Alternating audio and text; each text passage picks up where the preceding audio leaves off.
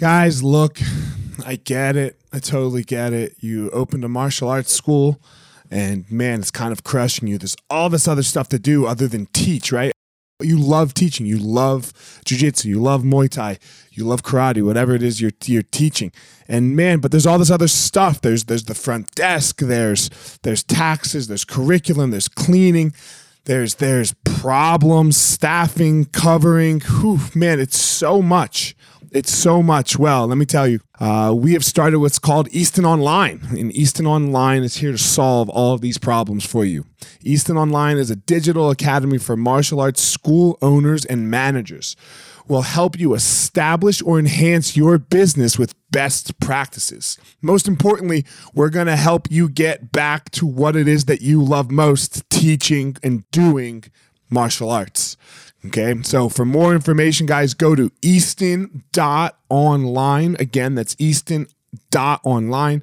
Add your email. You're going to get notified about the course launches. Our first course is going to be all about the first impression specialists, your front desk, and all kinds of stuff, special offers, promotions, as well as we started a podcast by the same name, Easton Online, that's gonna talk about our process of how how we went from a tiny little martial arts school to what is now seven martial arts schools, seven Brazilian Jiu Jitsu Muay Thai schools, um, in a very holistic way that we believe um, kept the integrity of the art and also deals with its people very well. So again, Easton.online, enter your email and you're gonna get all you're gonna get everything you need right there. So thanks, guys.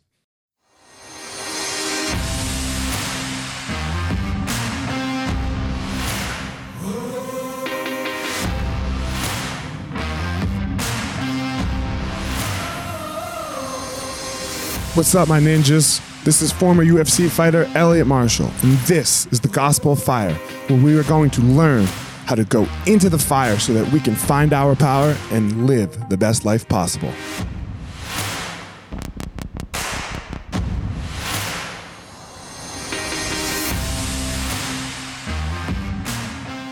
Guys, this episode of the podcast is with Drew Dober. Drew Dober is one of my fighters. And I just realized the other day that I had never done a podcast with him. And I think I'd done one with everybody else. And I was like, what the fuck? What am I doing? So, uh, yeah, Drew is the number 15 ranked lightweight in the world. Um, has been training uh, with us for about five or six years now. And man, he's got a really interesting story like where he came from, the struggle, Omaha, poor, you know, single mom. So I, I had a real good time learning about Drew. So, um, here we go. Drew Dober. What up, Drew? How are you? Wonderful. How are you feeling this morning? Uh, you know, I'm good. It's Corona good, right? yeah, right, right. but everything's good. Uh, man, big win the other week for you, huh? It was a it was a good it was a, it was a good weekend or a week actually. Uh, yeah. Eventful, but uh, definitely satisfying. Let's uh First of all, fuck yeah, bro. You got a number next to that name, right? Mm-hmm. It's about time. It's taking forever. I know. Um, let's talk about that camp, right? Because it had to be probably one of the stranger camps that you've ever probably had to go through. It was unique. Um, I actually was just comparing it to growing up in Nebraska and the fact that like nothing was ever handed to you you had to make it happen every single day.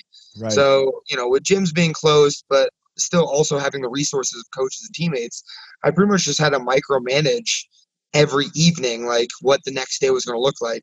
I had to call the coaches I had to figure out the gyms i got to figure out the teammates and like it was all hands on deck pretty much. Right because just it was so especially like for your situation, you thought you were going to fight right away, right? Like, so even the, when this first hit, and like, for example, I had to close the schools, which means Elevation Fight Team had to shut down for a minute. You still had a fight at that point. It, it didn't happen, but you weren't told no. So, talk about that and what that was like. Yeah, it was, it was pretty much, I mean, I had to assume I was still fighting because I didn't hear otherwise. So I was like, all right, I assume I'm still fighting, and uh, we still had, had to get it done. So you know, with uh, when, when the news just hit and the gyms had to close down, you know, we had to kind of figure out, you know, what what can we control? What can we do?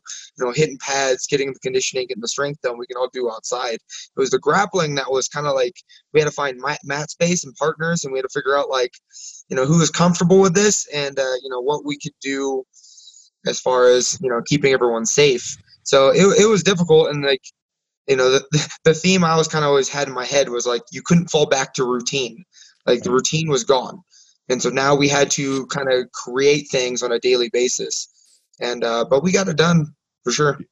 And look here, don't don't feel bad uh, with the question I'm going to ask. Like, what was it like? Like, so I'm one of your main coaches, right? There's you have three main coaches, mm-hmm. and for me, my fucking world fell apart, right? Like, like it, I uh, I had very little time for anything else for that first three weeks because it was this chaos of oh my god, like I might lose everything, mm-hmm. right? But for you, I like like you said with the grappling, and I'm your main grappling coach what was that like to not have one of your main coaches?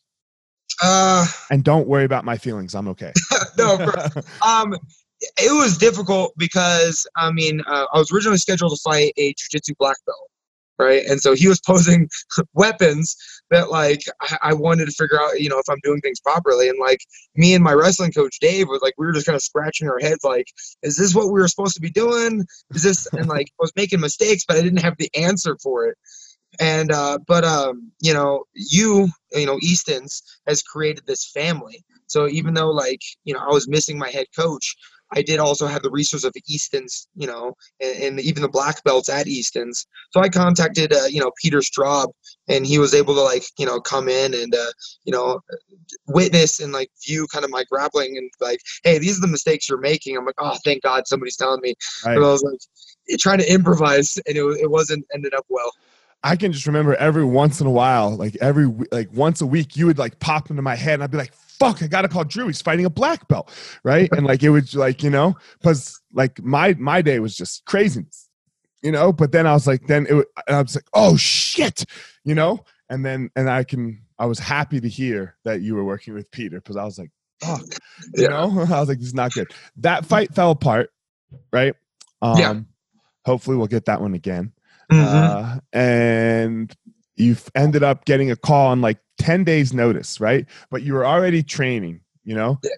to fight uh yeah that was the that was the hectic part i think uh just because you know the news came out that all fights were postponed right. to further notice and so then it was just like all right man like you know the haze in the barn like i you know i put in this camp with this training so what do i do now so i kind of like gave myself a weekend uh, to kind of just relax. And then I got a call like, they're they're opening back up. Can you fight May 9th? And I was like, oh my God. So I had to like get back on it right away. And then it was like, well, if not May 9th, definitely May 16th. And then, or, or could you do May 13th? And then finally I was like, just give me a finish line. Just, I'm, I'm in a dead sprint right now. I need to know where this finish line's at. Right. And then I, I kind of came up in my head because like with this motto, which is peak performance is not sustainable indefinitely. So I was like, I need to know when I'm go when it's go time. And so finally, I, I talked to Lloyd uh, with Balanji, and I was like, hey, just I need a date. I need a date. And so like, all right, May 13th. And I was like, I don't care who, just say yes and get that signed. You sign sign the paper. You sign the paper for me. exactly. I was like, I, am just ready to go. I just want, I need to know this finish line. Man, uh, you brought up Lloyd there for a second. Uh, I don't know from your end, but from my end, this is the best agent management group I have ever seen in MMA. Yeah, yeah, I think it's the first um, agency or management group that is carrying other like experience from other leagues to right. MMA. Where in the past we've just been working with managers who was like the Wild West, yeah. and they were just kind of signing contracts and making fighters pay. But now these guys are uh, the most professional in the game. Yeah, it's been. I mean, I don't know. I, I I talk to them like just on the regular, like once or twice a week. I'm like, yeah, what up? And they're like, yeah, what up? Like we, you know, we hit each other up, you know. So it's I really enjoy it. Um, so back to Alex. Um, was there much preparing for him? Like because, like you said, it wasn't like uh, wasn't like you had a camp to look at. Some, like you you got to be you were in shape definitely, right? Because you were training with Gaethje, you know. Um, but it wasn't like you had a preparation for Alex Hernandez. Yeah, um, in all honesty, is the preparation didn't have to change too much. Uh, training for Diego, uh, we were working very diligently on uh, position and and defense kind of just improving like myself. Like what are the mistakes i'm making in the grappling department and how can we improve that you know technically and mentally?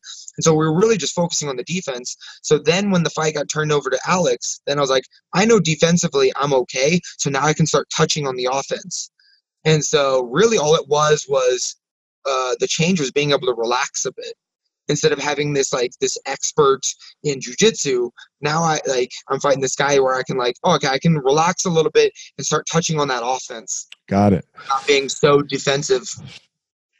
There was a, I mean, so in that fight, there was a definite shift there after the first round, right? Like, so I mean, you were aggressive in the first round, like you normally are, you know, firing. But in the second round, you came out and it looked like you didn't even give like a little fuck.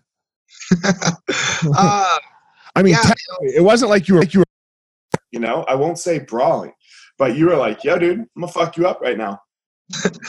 yeah, it was uh the recognition of his discomfort, and um, you know, uh, one of my head coaches stated that um, I'm willing to bite my mouthpiece and trade, and it's good in the striking department, but I've been really struggling. It, it's not good in my in the grappling department. So like working my defense, I was like, all right, man, I, I gotta stay more patient but then it kind of just dawned on me. It was like, maybe I can be more patient in the stand-up department as well. So, um, so fighting Alexander, who I know kind of thinks very highly of himself, a little, a little egotistical. I knew going in, um, as soon as he starts feeling uncomfortable, it's not going to go well for him. So that entire first round, it was just make him uncomfortable, just negate all his offense, and then in the second round, as I came out and he shot for the takedown and failed, I, I just I saw the break in him, and I was like, all right, well, if he's broken, let's put it on him. Let's go. Right, right. You can do whatever you want at that point. You know, you have to be careful. You know, because right. like scared, broken people swing for the fences. You know. Mm-hmm. But lucky for you, you have that nice noggin on your head. off for days. you know, so uh, but yeah, it was it was really good, and uh, I, I will say, like as uh, as your jiu-jitsu coach, um, man, it was really nice to see you not swing for the fences when he took you down.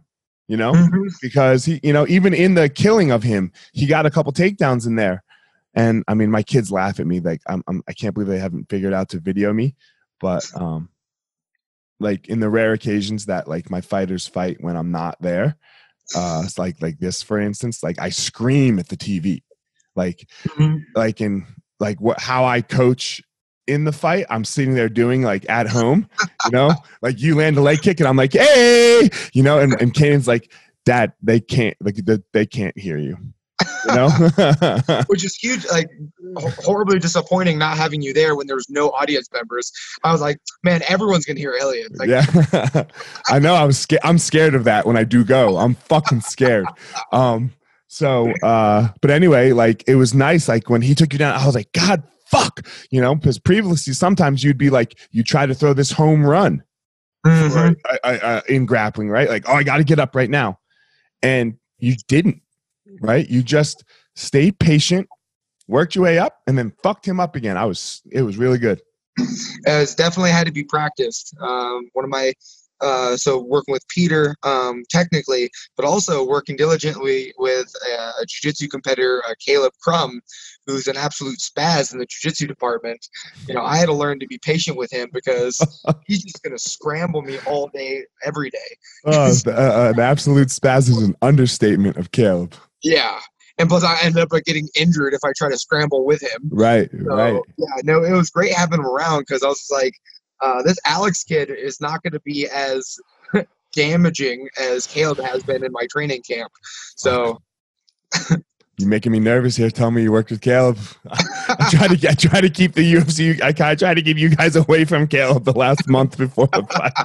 I don't know, man. Like I'm I'm scheduled to compete against a guy who's trying to physically harm me in front of millions of people. Might as well go with a guy that's trying to physically harm me every day. And, no, no, no, bro, no. I mean, like, like there's enough there's there's enough physical harm just built in. I fucking love Caleb, but Jesus Christ.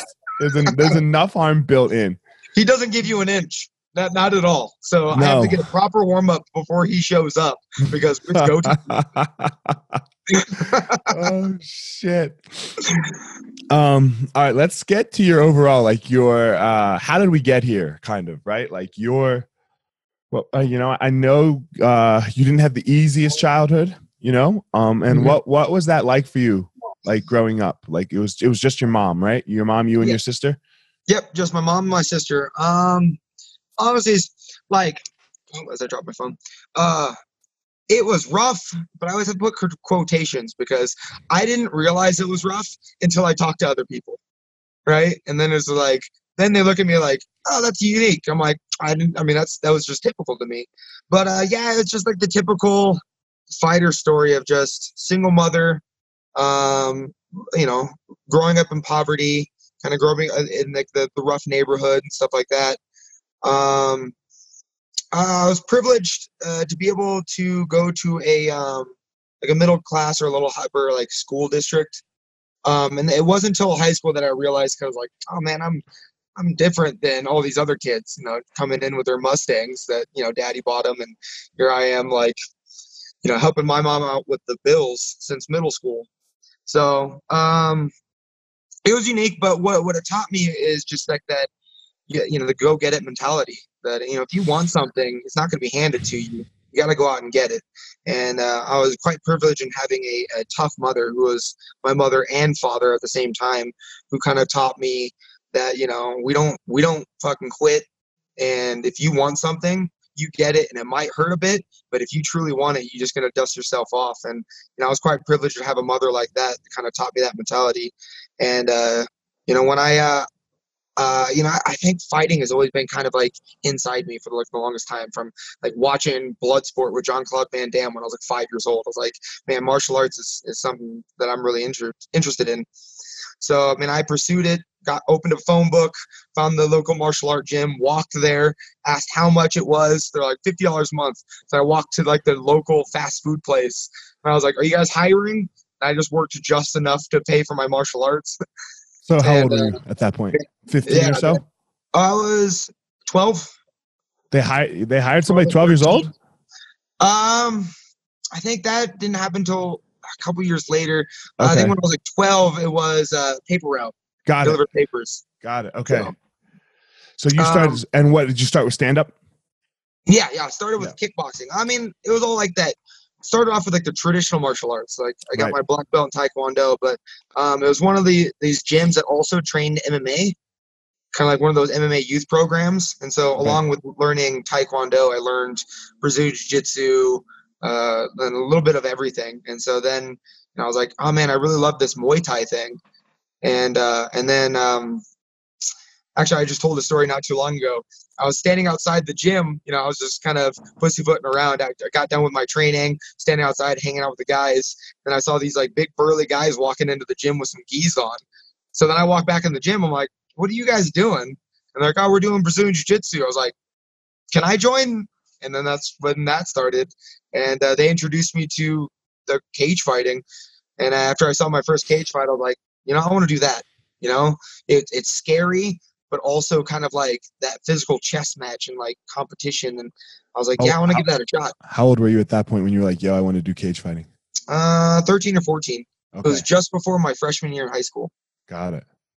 Um, and then yeah, then I pursued it. Found a found a gym that trained MMA fighters, and that's when I met like the Ellenbergers, uh, Jason Brilz, like all those guys that kind of touched the UFC level. And um, man, I was just that little 14 year old kid getting beat up every single day. And then Yeah. Did you uh I mean so I my my martial arts career started earlier. Like I was 6, you know. Mhm. Um I think and then there was no UFC obviously. I was it was 1986. So and then when the UFC came around, I I just told it for me. I told everybody as soon as it came out, I was like, "Yo, I'm gonna fucking do the UFC," and that's kind of why I ended up doing it. Is because I was like, "Man, I can't be a bitch and not actually do it," you know?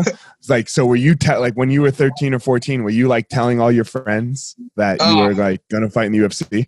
exactly the exact opposite. Uh, Okay. Because like at that time, like like UFC, it wasn't UFC, it was cage fighting. right? Right, It's what people right. did bars and stuff. And uh, man, I just kept like any any person that I would talk to, like I get like get the same questions, like, well, you know, can you beat so and so up and this and that. I'm like, man, this is this is martial arts. This isn't just me like, you know, punching people in the mouth at a bar. And so then I just stopped telling people. Mm. Um, and then uh, you know, I had my first fight when I was a junior in high school. And uh, still then, I just I refused to tell people until the fights ended up on YouTube, and then the entire school ended up seeing. Right? Right. oh.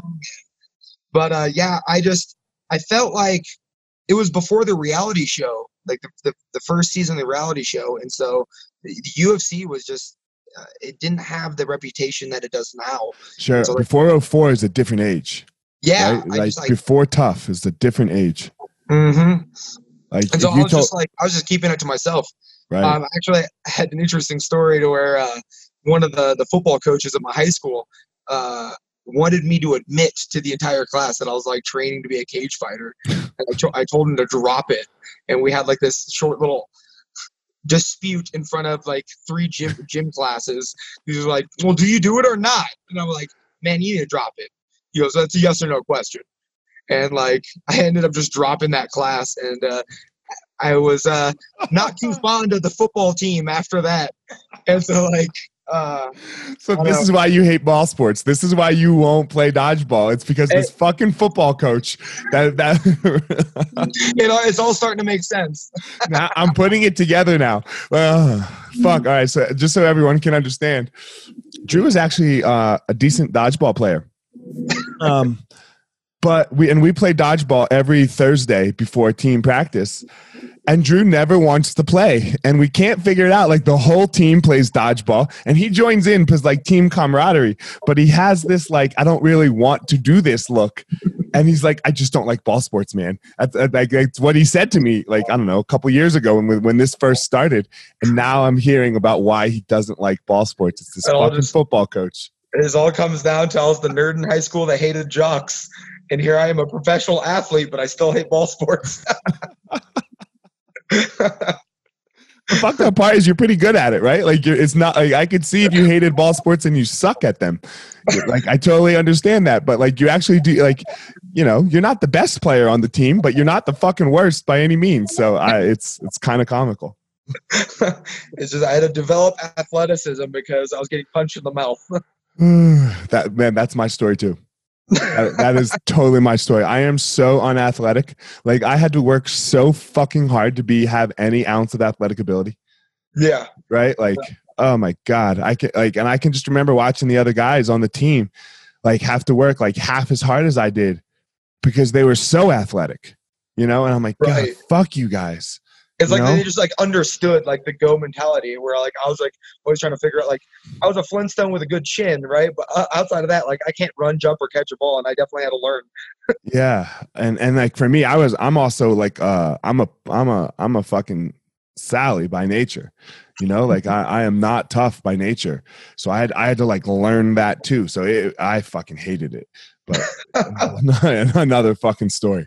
Um, so uh, so you're training and you um you obviously graduate high school and Mhm. like so what are you doing? Are you are you only training now? You actually I have to have like some sort of job because you know you're amateur. What what was Right. going on in the in that middle area before you turned pro and like your early pro? Uh, man, I was fighting a ton.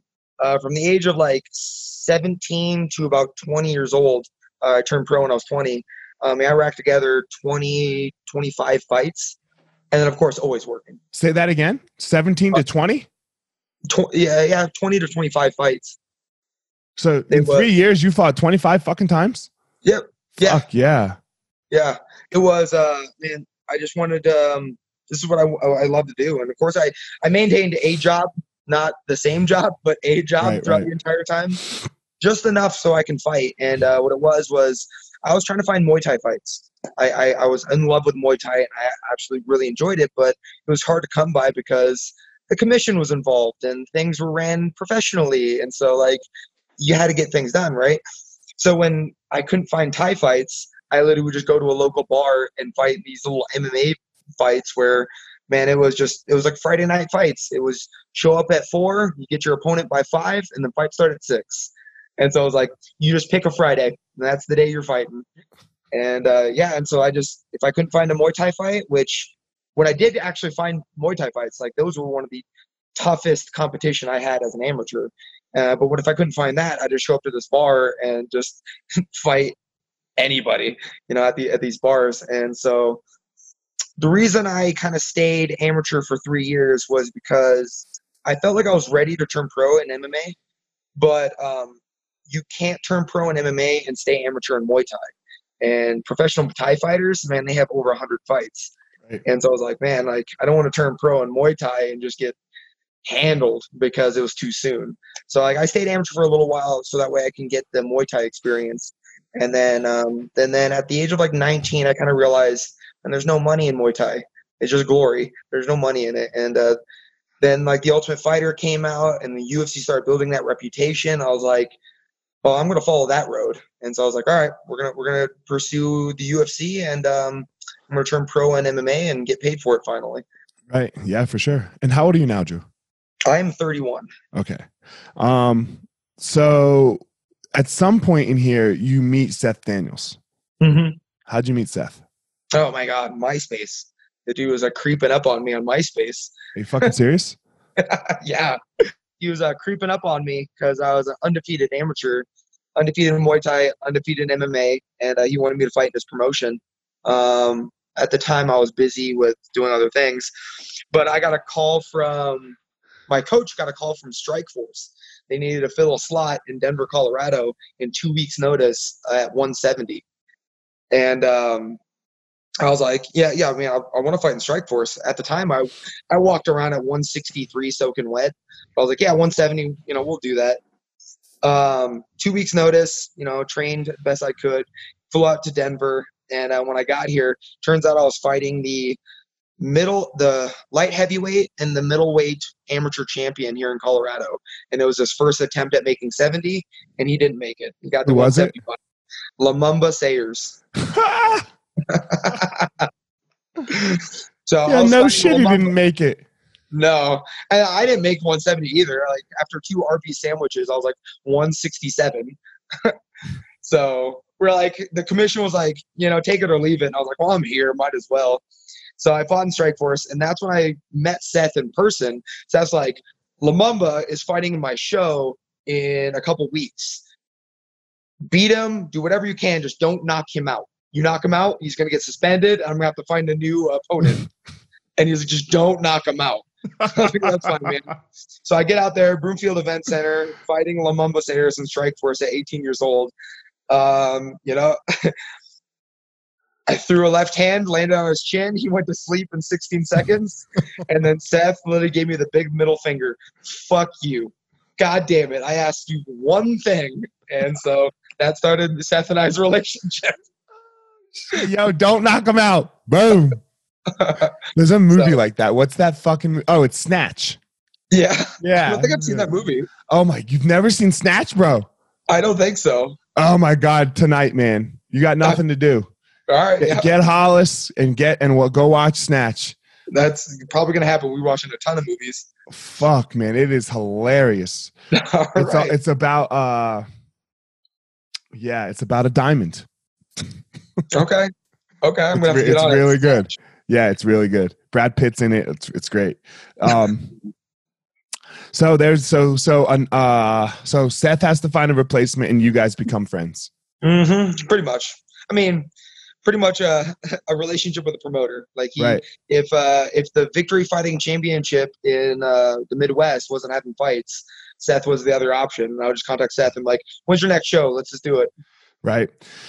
And then you get hooked up with us by fighting Tony Sims. Mm-hmm. Right. So like Tony Sims was, was with us, um, and you guys have to clash. Yeah. Uh, it was actually interesting getting that fight. Um, so before I fought Tony Sims, I fought a, a UFC vet. Um, I think his name is TJ TJ O'Brien. He was a black belt in jiu-jitsu, fought in the UFC, got cut, and all that. Like this was this was my like this was my it. Like that was I, I beat this guy and I'll get noticed by the UFC. Beat him and crickets. I heard nothing. So I talked to like um, my coaches and one of my mentors and was like, man, how to, like you have to know somebody in the UFC like to get in the UFC, and I don't know anyone. How do I get the notice? And uh, like we couldn't figure it out. And so and then I heard wind from Seth that there's this undefeated guy in Colorado has the belt, knocking everyone out in the first round. UFC has their eyes on him, and I pretty much just raised my hand. I was like, that's my like. I don't know anybody, but he knows somebody, and that's the way to get in the UFC. And so I contacted Seth. I'm like, I want that fight. Like, please make this happen. And uh, yeah, and I had to fight that monster. You know full well what Tony Sims is capable of. Yeah. we were so mad at Seth during that fight.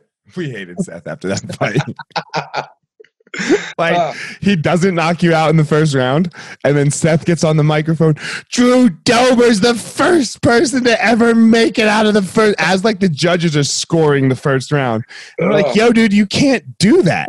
Like, you're the fucking promoter, bro." uh, man, like, let's be honest. That that moment was a blur for me because I survived. Yeah, you survived. You yeah. I mean, so like I'm very rarely nervous about you getting knocked out after watching that first round. You know, uh, that, that still rings in my head. It's like even most recently, me scheduled to fight Alexander Hernandez, and they're like, "Man, he's athletic, he's youthful, he's this, he's that." And you're like, "He's not Tony Sims." And yeah, I survived that fight. I'm not afraid of anybody else. yeah, yeah. So, um, and then you, so you win that fight right? And did you move? You didn't move out here right away after that, right? Like it was soon no. after. But what happened? Yeah, so this is this was my touch on the, the, the the quarantine or the COVID training camp, which was back in Nebraska. At that point, it was just me, and my coaches, and a heavy bag.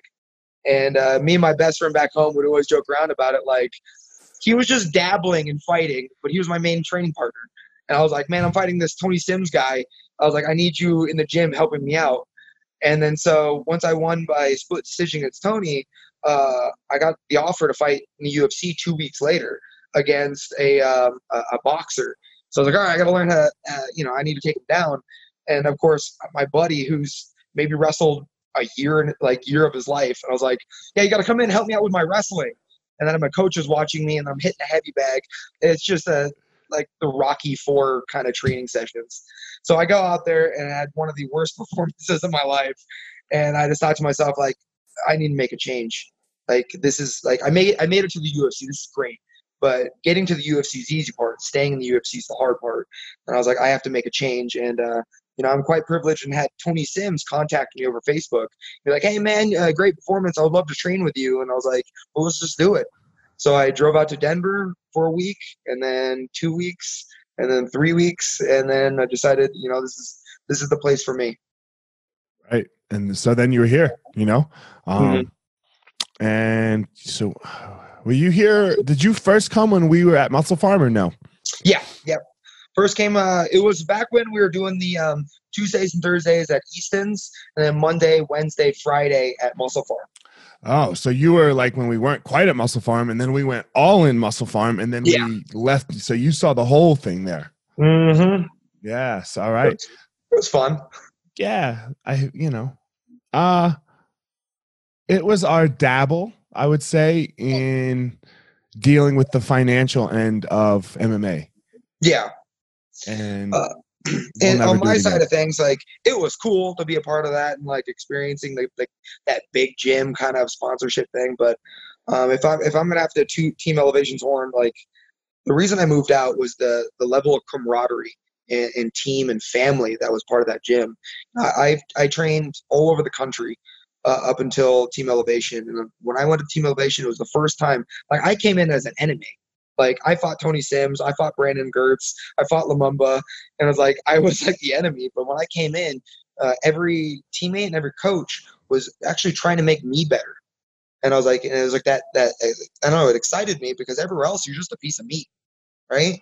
And I was like, this is this is something new, something special, right? And so through the whole MusclePharm thing, um, regardless of like the quality of gym and the, the finances, we we never uh, changed that camaraderie. Whether it was Easton's or MusclePharm or High Altitude or wherever, like that camaraderie and that team elevation and the support that I got and what everyone receives when they enter that gym has never left. And so, like, MusclePharm was cool, but still now at you know at Easton's, it's still the same team, and it's fantastic. Yeah, it's uh so for me, uh in creating in being a part of creating both East what Easton's is now and MusclePharm, um, I was a I just didn't have any friends, you know, when I was a kid. Like I was just a loner, like a total loner and no like, you know. So I just uh when I moved out here that I was able to switch that and then uh, my thing was always to make a place where uh, uh some everybody can fit in. You know, it doesn't matter you know, not nothing matters. All, all you have to do is come join the team and be part of it, and you get to fit in. And mm-hmm. we'll we'll handle the financial end, which is obviously an, an important end. You know, we'll handle that afterwards. But if you just make people come, you know, and make them feel welcome and cool and like be part of the cool kids, all of them, then word. Yeah, you know, it's no. easy. It, yeah, it's something like I, yeah, like I said, I've trained all over, and this was the it was the first gym that I truly felt like everybody there was trying to make each other better, and that and then better like not just a fighter, but like better as in like everywhere else too, outside the cage. And uh, yeah, it's that's the reason that sold me. That's why I stuck around. Uh, you know, yeah, well, word, because that's what that's that is the goal, right? Is like I I hope you do become the world champion. That would be really sweet. Um, but I do I feel it's more important, you know, uh, that it's my job to help lead you through, and all of our jobs as the coaches to help lead you through your life. You know, so even even when this fight game is over, like what's next? You know, right? Like, so like, did you save your money? Did you did you educate yourself in a way, you know, that uh that you know how to how to do other things? Because I, I fighting is just such a glimpse in your life, right? Know? So right. and uh, people can blow that. And in all honesties, it was that help and that kind of like that sense of just like, you know, helping, you know, these athletes or helping these people become better people outside of fighting is the reason or what how I feel is the reason for my recent success is I kind of took my mind off the the pressures of fighting and I focused on kind of like what am I doing outside of fighting and stuff like that and it kind of alleviated a lot of the pressure inside fighting because honestly there's a shelf life and this is temporary and so like why does it matter? Like it's not it's not a live or die type of thing. It's like a glorified hobby. So like have fun with it now. And so like your help and all the other coaches help you know with you know trying to be a better person outside the cage is actually also helped me being a better person inside the cage. Explain that more a little bit. Um like the pressures like what kind of pressures were you going in with like because you were having this like up and down right like mm-hmm. you'd you'd win one lose one win two lose two or I, I don't remember quite what it was like the how you no, know, exactly it, it, I'd, lose, I'd lose two in a row and then I'd put wins together and then lose two in a row again right. um, what it was was like it was a job you know uh, when I turned pro um, and I and I decided I wanted to be a UFC champion it, became a job and it became rigid in my head. It came like, uh, you know, a responsibility, like a, like this is what you have to do. And like, you have to win, you have to get it done. And decisions were very like vital to the, like, you know, my life. And so I'd go into the cage with this idea of like, have to, I have to win. I have to do hard, like do well. I have to be entertaining. I have to do this. I have to do that. Right. And I lose two in a row because I, I, I wasn't able to perform freely. And so then it would kind of like alleviate the pressure. I was just like, you know, my back's up against the wall.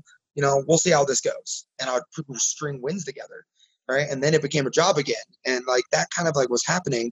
So when I was, when I uh, joined Team Elevation, I was working with you guys. You know, unfortunately, I lost my first two fights in the UFC, but I feel like that was my adjustment period with Team Elevation once I, when I was established here in Denver in the team elevation, then I started getting some wins together. But then I just started noticing my losses came from that rigidness of not being able to relax inside the cage or relax in, outside the cage and or in my camp or in the gym. It became like a like a, a suit like a job. So I remember I you saying I have to a lot. Like I remember like right before one of your fights, you know, you're like you're like I have to get a bonus. And it was like, yo, dude, uh yeah like we came like like that that that is dana's opinion like you're dealing with somebody else's opinion like if he thinks somebody i mean you can have an amazing fight And if he yeah. thinks somebody else's was a little more amazing, he's going to give it to them. Like exactly, yeah. Like that's was, that's a you can't live up to that. Yeah, you have to get in the UFC. You have to stay in the UFC. You have to get ranked. You have to win the title. You have to do all like, and then it got down to like in the gym on a daily basis. Like you have to do this. You have to do this. You have to do that. And like it just it was just so exhausting. Um, and then so you know after one of my losses with Oliver Mercier, I was like something needs to be and something needs to change. And around that time, I started working with like Dave Zabriskie and you about kind of like what am I doing outside of fighting, you know, and, and all that stuff. And then then it kind of just fighting seems so small when you think about an entire lifespan. And you're like, well, okay, like um, then I don't really have to do much if it's just temporary. Uh, I even talked to a mental coach, and we were kind of just talking about. Um, I'm kind of changing the subject a little bit, no, but the mind okay. of a champion, and how I viewed the mind of a champion, and the way I came up with is the, the mind of a child. And what I was doing when I was 18 years old, I didn't have to do anything. Like whatever. Like I'm just gonna fight Muay Thai. I'm gonna string together 25 fights in three years. I'm gonna do whatever I want, and I was undefeated. And it was because uh, there was no pressure. It wasn't a job. This is what I was just doing. My job was just doing you know, something else to make money. And so once I realized that, then I was like, me at my best is having fun and enjoying this and treating this like the hobby, glorified hobby that it is. And so I got back into like training and fighting and all that stuff. And I was like, I don't have to do anything. All I, I, I get to enjoy this. This is what I get to do. And once I kind of adjusted that mindset, you know, in the cage, out of the cage, and then even the rest of my life, then I was just like, God, things slowed down so much. And then I was able to appreciate so many things. And then once I like fought in the cage, I was able to kind of like take every moment at a time versus thinking too far ahead. And the have to crushes us, right? It just mm-hmm. so crushes us. I can remember uh, with my best fight, my like I was so afraid, I was so scared, and my plan was to go out there, get punched with the first punch, fall down, and then I'd be done. You know, and I'd, I'd retire. I, I, you know, like, and I, I just literally got to there, like my wife and I in the hotel room, and you know. But then I went and had my best fight because my have tos just went away. Right? right? Like like all I had to do was take the first punch. I couldn't I had to walk. So once I walked, it was it was over. right. You know? you know? and I think every athlete is different as far as like mentality and like what their zone is and, and stuff like that. But uh, I mean, we talked about it in my last camp or uh, you know two camps ago, which is my have to sometimes turns into a try. Or I go into the gym and I try. And I was like, no, there's no try. You just do. Like just, you know, like so I just try to get a get rid of the have to, get rid of the try, and just enjoy and do. And then regardless of what happens. And I, I think it just kind of gets rid of the outcome based anxiety. Whereas like who cares what the outcome is? Just just have fun with this moment. Yeah, man, it's it's such an important thing, you know. Just have fun with the moment. I'm trying to teach my kid this you know, because he yeah. gets so wrapped up, bro. Like he, even in the practice of his basketball, like he, like he gets, he will practice so hard, and like if you like, he will learn, eh, he will, he will get it so quickly because he will practice so so intensely, you know, and then when when he's having an off day, you know, it can just it can crumble him, and I'm like, all right, dude, like let's just like what you were just saying let's just try to enjoy the moment. Let's just try to be like like do you like playing basketball? You know because if you don't like it then you shouldn't do it. And it's and, and fighting it's harder mm-hmm. right like what you're saying because your life kind of is on the line. Like you like you know your your your health is on the line. You don't know what the outcome of this fight will do to your life you know? Um, mm-hmm. But we have to get there. You still have to get there to be able to perform at your best. Right, right. And you know, it's it's really difficult because at 31, you know, I'm going to be 32 years of age, it, I constantly have to practice it. You know, I, I did it briefly when I was like 18, 19, and then I went away, and then I did it again.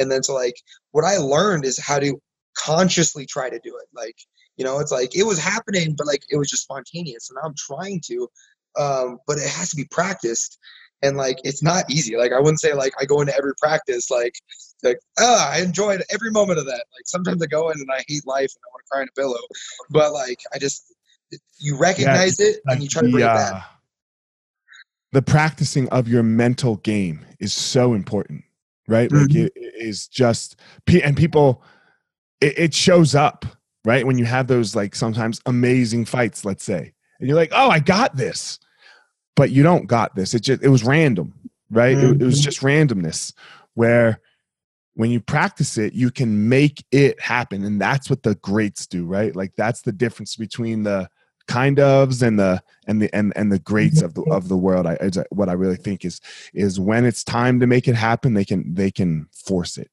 Yeah. And uh, luckily I, I was told that by somebody else and it was just you practice it when it doesn't matter. So that way when it does matter it's well practiced. And i was like all right. That, that's so true. You know like make for practicing it. Just practice. Yeah. Yeah it, it is hard to do because you know when when the stresses are gone you have nothing to worry about like even like right now you know off season like i still have to practice it like you know like enjoy the moment enjoy the training and this and that. Like i have to practice it now so that way when stress starts coming back like i know where to go. Yeah for, and, for uh, me yeah for me man i have to practice moments. I know I, for for my own personal self like uh can i notice a moment just every day you know? Because mm-hmm. i can i can trip in such a way that it just it's not fun right? Like with my anxiety and have to's you know and what ifs yeah. and and all these words that just man i heard a good one the other yesterday. My friend told me ready? Uh should i should have. The word should is just a combination of the two words could and shame. Of course you could have but when you say i should have you're adding shame to could have. And now you're starting to shame yourself. And that and shame has never helped anybody. Mm you know? So you can just use the word could. Look i could have done it that way but you know and then you can start to look at what happened so that you can change the could into a did. Right. And it's crazy how like just that word in itself or like you know try have to or or should you know it's like those those words create feelings. Mm-hmm. and the thing that like i found is uh, you have to treat yourself like your own best friend. You know what i'm saying in my internal monologue would i say that to you or to the person that's close to me? If i say no then you shouldn't say it to yourself you know if I, i'm not going to look at neil magny and be like you should have and i was like man that just shames him like right. why why am i saying it to myself right and it's especially so after losing a fight right like you would never yeah. say that to your teammate yeah, right. Yeah. But after you lose, then yeah, you're the, your worst enemy. You're like yeah yourself down, and that's why it's so hard to come back from losses. Because it's like you have to wake up with yourself every day. Yeah, no, you know the the should have to could have, right? Mm-hmm. And then because then you can really start to address. There's no shame in it. You know, you're not you're not shitting on yourself, and you know, and that that can be so detrimental to anyone's progress Right. Yeah, no, because what happens is then, you know, you feel so bad with failure. So then you try to avoid failure and then you stop growing.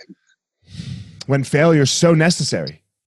Yeah, right? exactly. Like, I, we have to see it. If, if we if if we don't see it, then especially in practice, and this is something that I think all the coaches really try to talk about, is I need to see where you're fucking up. Right? Like I can't just see where you're doing great. I need to see you fuck it up and improve from a coach's standpoint like you know because if if i'm not seeing that and that's what comes out in the fight we're fucked right like right and then right. and then i'm failing you because i'm not getting you to improve you're failing me because you're not showing me where you're where you're weak and then that's when relationships just go you know mm-hmm. and, and and fighting doesn't go well right uh like it, it, dawned on me like a couple of years ago, which is sad because I was late twenties when it finally dawned on me.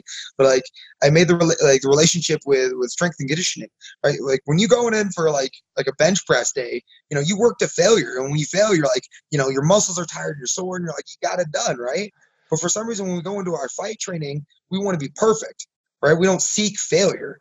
And I was like, man, when I go to the gym, I should be trying to find failure. So at the end of my training session, that I failed today? Then I got then I got the work in. That right. I did it. Right. And now we can go and now we can go fix it.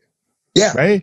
It's just like the bench press, like you were saying. Look, you you hit, I don't know, 225, whatever you hit for however many reps. Let's say it's five. You know, you hit two, you know, and that's where you failed. You're like, all right, I'm gonna get that fifth one. And then I'm gonna mm-hmm. get that sixth one. Like Yeah. for some reason in the gym, it's motivating. Right? You're like, oh man, I'm gonna get that soon. You know, in the workout gym. But for some reason on the mats, it's not so motivating. Right? Right. We have to make it motivating. Right, like when we practice jujitsu, or like, you know, we're just using the twenty pound dumbbells because we know it's safe. We got this, Right. right? But like, we should seek failure. And once once I kind of dawned on me, like, man, the reason I go to the gym, and then I now I tell myself this all the time. I get beat up Monday through Friday, so I can beat someone else up on the occasional Saturday. So like, so Monday through Friday, this is my time to fail. Like I'm Right. coming in here to get my ass kicked. Right. And then you also do have to find that balance where it's like, yo, today's a winning day. Right. Yeah. I want to, I want to, I want to see the work, you know? which I actually had to I had to change that because uh my my winning day wasn't so much like like the try right it's that it's that try I'm gonna try to win today it's no no no I I follow the plan so today is my plan right so like I'm not countering your plan I'm, I'm working my plan and so like that's that's that's my winning it's you know what am I doing right now boom boom boom boom and I put it together and so then at the end of practice like oh wow I won every round but my goal wasn't to win every round. My goal was just to follow the plan Follow every step plan. of the way. Fuck yeah. All right, man. I appreciate you doing this. Yeah, no, I had a lot of fun, man. Dude, I was like the other day, like, I, I don't know, it popped in my head. And then I like scrolled through my episodes and I was like, I've never fucking interviewed Drew. What the fuck? You know? And then, and then I, because I'm ranked now. I finally hit the ranking. so now it's like, okay, now we can have him on the show. oh, fuck. Oh, that's fucking funny. I mean, sorry, bro. Like all the other guys are ranked, man. Like, what do you want me to say? But I know, finally. You know, that's actually like, yeah, cool. I'm 14, but I'm finally on Elliot's podcast. I So, think, dude, I think actually when I was looking at the list, and I like, I think that might be what it was. I was like, oh wow, look, fuck yeah, Drew, Drew's ranked, and I was looking at your name on a list, and then I was like, I don't think he's on my list. Like, I, I thought that's really what it was, to be honest with you. Now that you bring it up, and I was like, I'm an asshole. You know, like what the fuck am I doing? no, it's all it's all good. It's all good. I mean, typically it's like whatever. and I've been knocking people out since I was 18, but now people are starting to notice. So like it's whatever. I'm a late bloomer. oh, dude, let me tell you before we go how nervous Lloyd was to corner you. Oh my god, just just shaking. bro. He was calling me, texting me, like, what do I do, bro? What do I do? I'm like, you do nothing. Like, just carry the fucking bucket and shut the fuck up. Like, if you hear, if you hear uh, Oscar or Dave say something, just repeat it. The funniest thing is like he was telling me he's like, yeah, I'm just I'm just gonna be in the locker room. I'm not gonna leave the locker room and stuff like that. But when it was go time, he was the cage side. And I was like, it's like you have one job: hold my t-shirt, don't lose my mouthpiece. Oh, fuck yeah. All right, homie. I appreciate you coming on. Tell everyone where they can reach you. Uh, you can reach me at uh, Drew Dober, one word at any social media, Facebook, Instagram, Twitter. Fuck yeah. All right, guys. And as always, uh, you know, Drew has a unique power that he has, and I have a unique power that I have. Go out there and find your power. Don't try to find Drew's power and don't try to find my power. You, you we all have one. It's in there for all of us. Go grasp it. That that is the most amazing feeling and the most amazing thing in the world. Go out there and find your power. All right, everyone, thanks for listening to this episode of The Gospel of Fire. If you enjoyed the episode, I'd love a review on iTunes or wherever you are listening to this podcast. Don't forget to follow me on social media at FireMarshal205. If you are a BJJ enthusiast, check out my YouTube channel. I put all kinds of instructional DVD uh, videos out on there, so go check it out. My book is still out on Amazon by the same name as the podcast, The- Gospel of Fire. So if you are interested, go check out that. And most importantly, guys, go out there every day, find your power. Thanks a lot.